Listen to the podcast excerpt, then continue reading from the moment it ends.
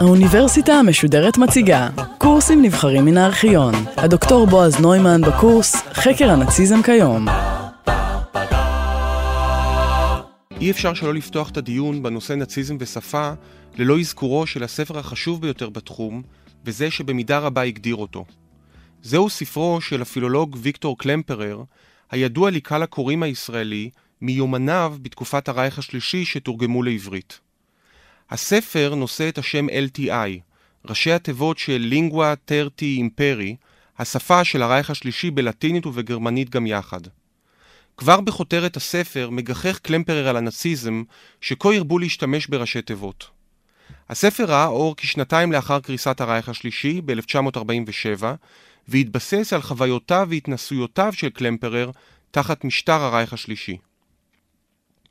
בספר טוען קלמפרר לקיומה של שפה נאצית מיוחדת וייחודית, שאותה הוא בוחן כמעט מכל זווית אפשרית. המילים שהנאצים המציאו, למשל על ידי חיבור מילים קיימות, המילים שהנאצים טענו במשמעות חדשה, השימוש התכוף בראשי תיבות ובקיצורים, ההימנעות מסימני פיסוק, אופן וחיתוך הדיבור המוגזם ואפילו אולי המגוחך, היחסים המיוחדים בין השפה המדוברת לשפה הכתובה, ההוראות מלמעלה שאסרו על שימוש במילה אחת וחייבו את השימוש במילה אחרת ועוד ועוד. למשל, לפני עליית הנאצים לשלטון אף אחד לא השתמש בשם התואר פנאטי במובן החיובי של המילה. במסגרת ה-LTI, השפה של הרייך השלישי, היא הפכה למחמאה, אפילו לסופרלטיב. לפי קלמפרר, כל מה שאדם מבקש להסתיר במודע או שלא במודע, אפילו מעצמו, לא יכול להיות מוסתר מפני השפה. באופן שבו מדבר אדם, בסגנון הדיבור שלו, נמצאת התשובה לשאלה מיהו האדם. והתשובה הזו, לפי קלמפרר, חשופה לעיני כל בשפה שלו. רק צריך לקרוא אותה ולהאזין לה. השפה, מתעקש קלמפרר, אינה יודעת ואינה יכולה לשקר. כוחו של הנאציזם לא היה טמון אפוא בנאומיו של היטלר, או בתעמולה המסיתה נגד היהודים או הבולשביקים, אלא בין היתר, בחזרה האינסופית על מילים בודדות, וכן באופני הדיבור ובמבנה המשפטים שהיכו שורש בחברה הגרמנית, עד שגם לאחר 1945 לא היה אפשר להשתחרר מהם. מכאן שההתנגדות למשטר, על פי קלמפרר, תוכל להתחיל רק במקום שבו מפקפקים הדוברים בשפה עצמה. לאורך השנים הופיעו מחקרים רבים על הנאציזם והשפה. ובכל זאת אטען, רק בשני העשורים האחרונים אנו עדים לגל הגדול והמשמעותי ביותר של מחקרים בנושא. אני מזהה שתי קטגוריות עיקריות בחקר הנאציזם והשפה כיום. במסגרת הקטגוריה הראשונה, קיימת הנחה כי השפה היא אמצעי או כלי. וכך, במסגרת מחקרים אלה נבחן בין היתר השימוש האינסטרומנטלי שעשו הנאצים בשפה, למשל לצורכי תעמולה שכוונה אל האזרחים הגרמנים במטרה לחזק את המשטר ואת הלגיטימיות שלו, או לחילופין אל קורבנותיהם במטרה להטעותם. הקטגוריה השנייה של המחקרים מתמקדת בהיסטוריה של השפה עצמה. השאלה המרכזית במסגרת הזו היא האם וכיצד השפיעו הנאצים על השפה הגרמנית עצמה. אני אתחיל באסכולה הראשונה. לפי מחקרים אלה, אנו מניחים כי השפה היא אמצעי בפי דובריה או כותביה. ובמקרה הנאצי הדובר והכותב העיקרי היה ללא כל ספק אדולף היטלר. השפה הנאצית המדוברת, וגם הכתובה, הייתה גורם מרכזי ואולי אף מכריע בהצלחה הנאצית. מחקרים אלה מדגישים בעיקר את המדיום של השפה הנאצית, ופחות את מסריה. והיטלר, כמי שעמד בראש המפלגה, התנועה והמשטר הנאצים, מתגלה כאן פחות כפילוסוף או כאידיאולוג החשוב של הרעיון הנאצי, רעיון שלא היה מקורי או ייחודי, ויותר כפרפורמר, או אמן מבצע של ממש, השולט בצורה מודעת ויוצאת דופן ברזי השפה והשימוש הנכון בה. לא אחת הוא מתואר כיום אפילו ככוכב פוליטי, וברוח הימים האלה אפילו כמותג מנצח. אין פלא שאלה המאפיינים שהמחקר מדגיש כיום. הם הרי מבטאים היטב גם את רוח תקופתנו אנו, שבה יותר ויותר אנו מדגישים את יכולותיו הפרפורמטיביות והרטוריות של הפוליטיקאי, ופחות את מסריו. זוהי ללא ספק עדות נוספת להיותו של חקר הנאציזם משקף לא רק את מה שקרה, אלא גם את מה שקורה. היטלר, הפוליטיקאי הפרפורמר, הוא ללא ספק אחד מאבות הטיפוס של הפוליטיקאים המודרניים בני זמננו. אלה שמבחינתם המדיום הוא-הוא המסר.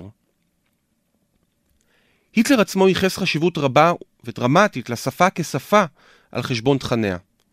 היטלר היה פוליטיקאי פרגמטי. אחד הביטויים לכך הוא האופורטוניזם הפוליטי שלו.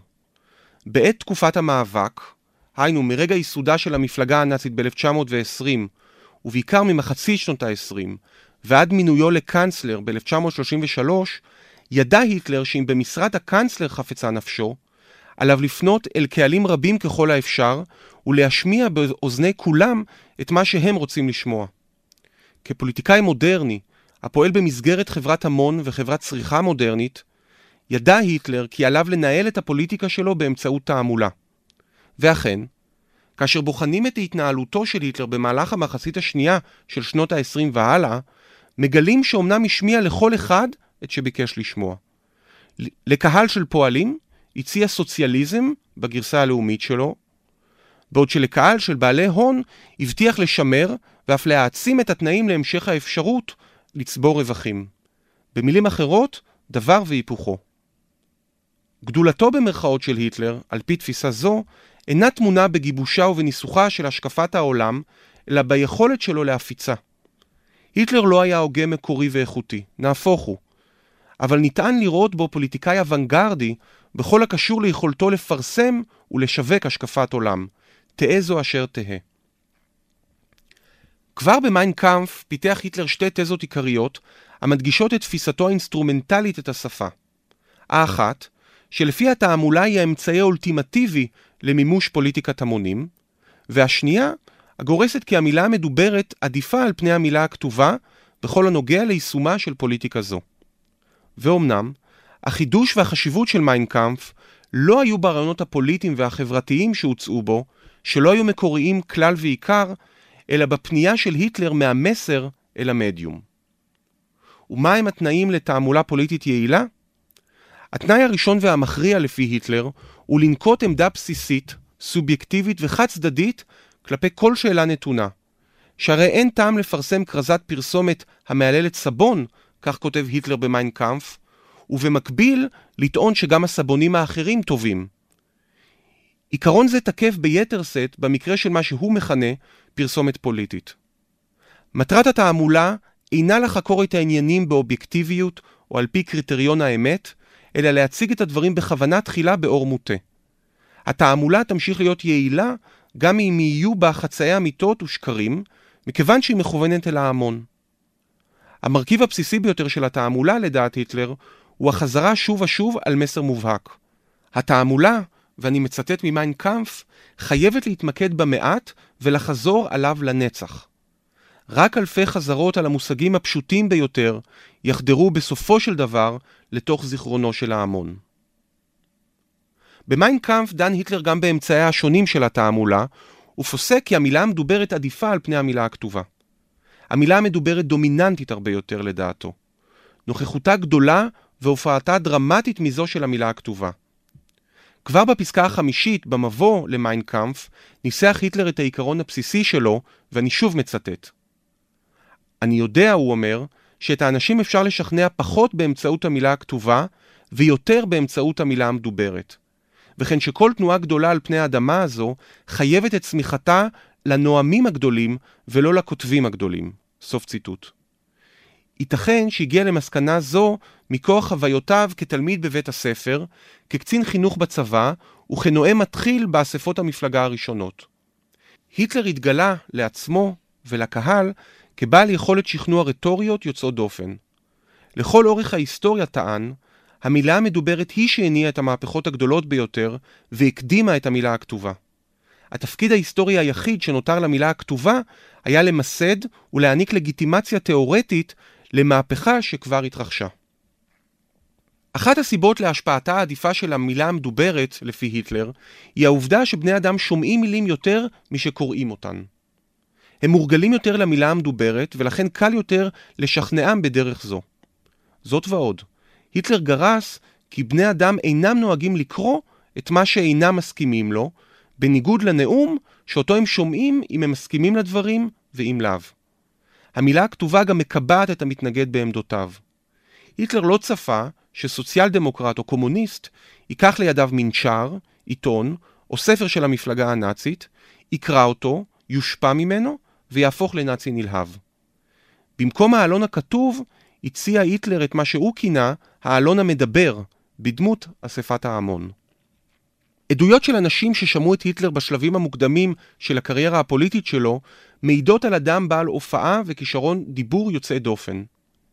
היטלר ומנהיגים נאצים אחרים, ובראשם כמובן יוזף גבלס, הבינו נכונה את רוח המודרניות של רפובליקת ויימאר שקדמה לרייך השלישי.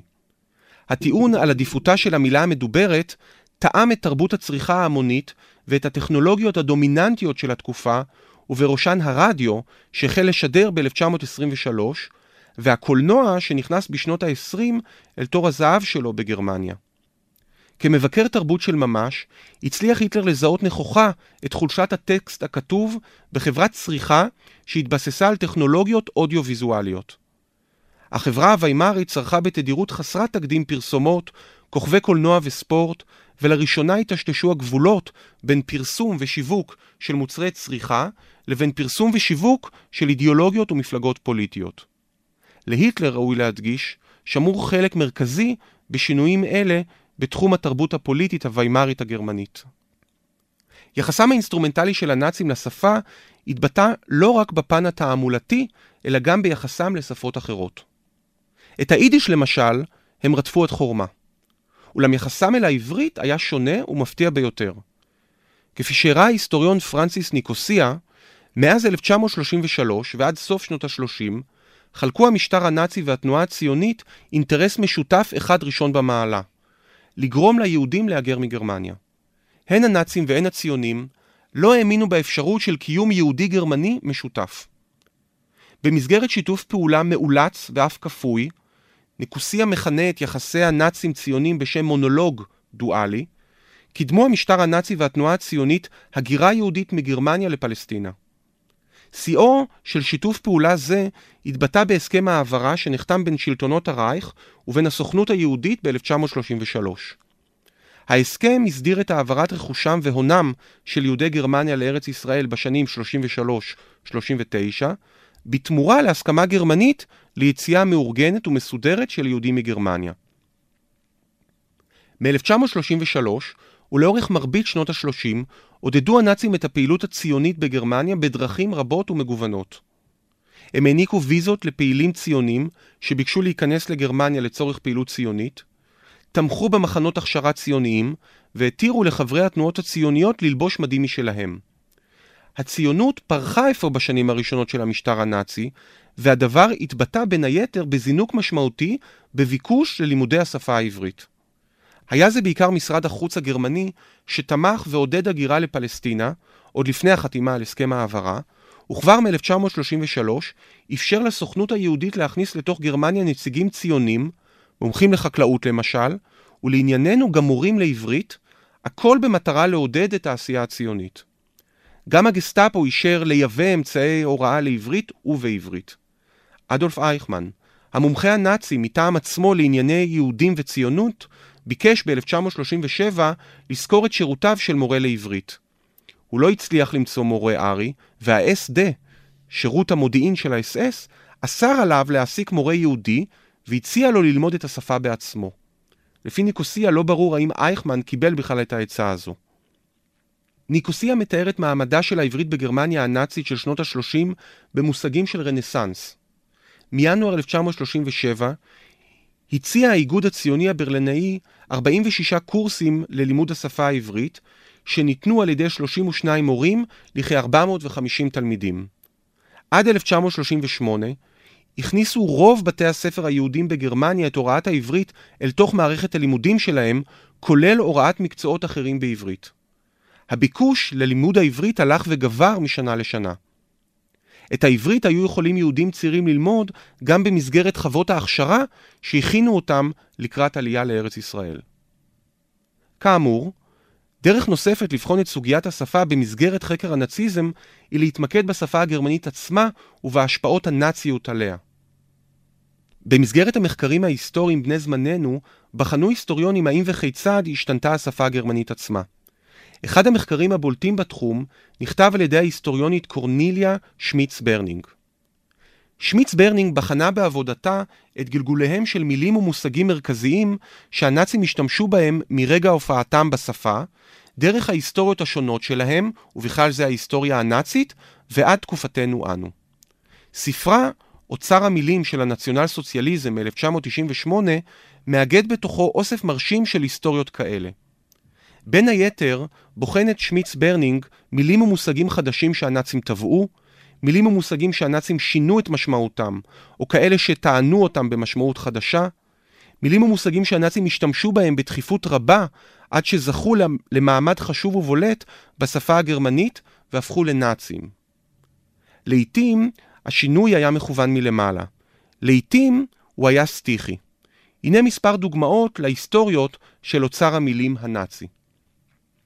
Bewegung, או בעברית תנועה, כינויה של המפלגה הנאצית. רק עם המהפכה הצרפתית, טוענת שמיץ ברנינג, החל המונח תנועה לתאר זרמים ומפלגות פוליטיים. במיינקאמפ היטלר עוד השתמש במונח כדי לתאר הן את המפלגה הנאצית והן מפלגות יריבות כמו זו הסוציאל דמוקרטית. עם השתלטות הנאצים על המדינה, הפך המושג תנועה לתיאור האקסקלוסיבי של המפלגה הנאצית. על פי התפיסה הנאצית, תנועה אינה יכולה להיות מפלגה, שכן תנועה היא גוף אורגני וטבעי שצומח מתוך העם, ולכן גם יכול לתבוע תביעות טוטליות ממנו. ב-1933 הכריז היטלר, ואני מצטט, התנועה הצעירה, כלומר התנועה הנאצית, אינה מפלגה, אלא היא העם הגרמני העולה ומתרומם שוב.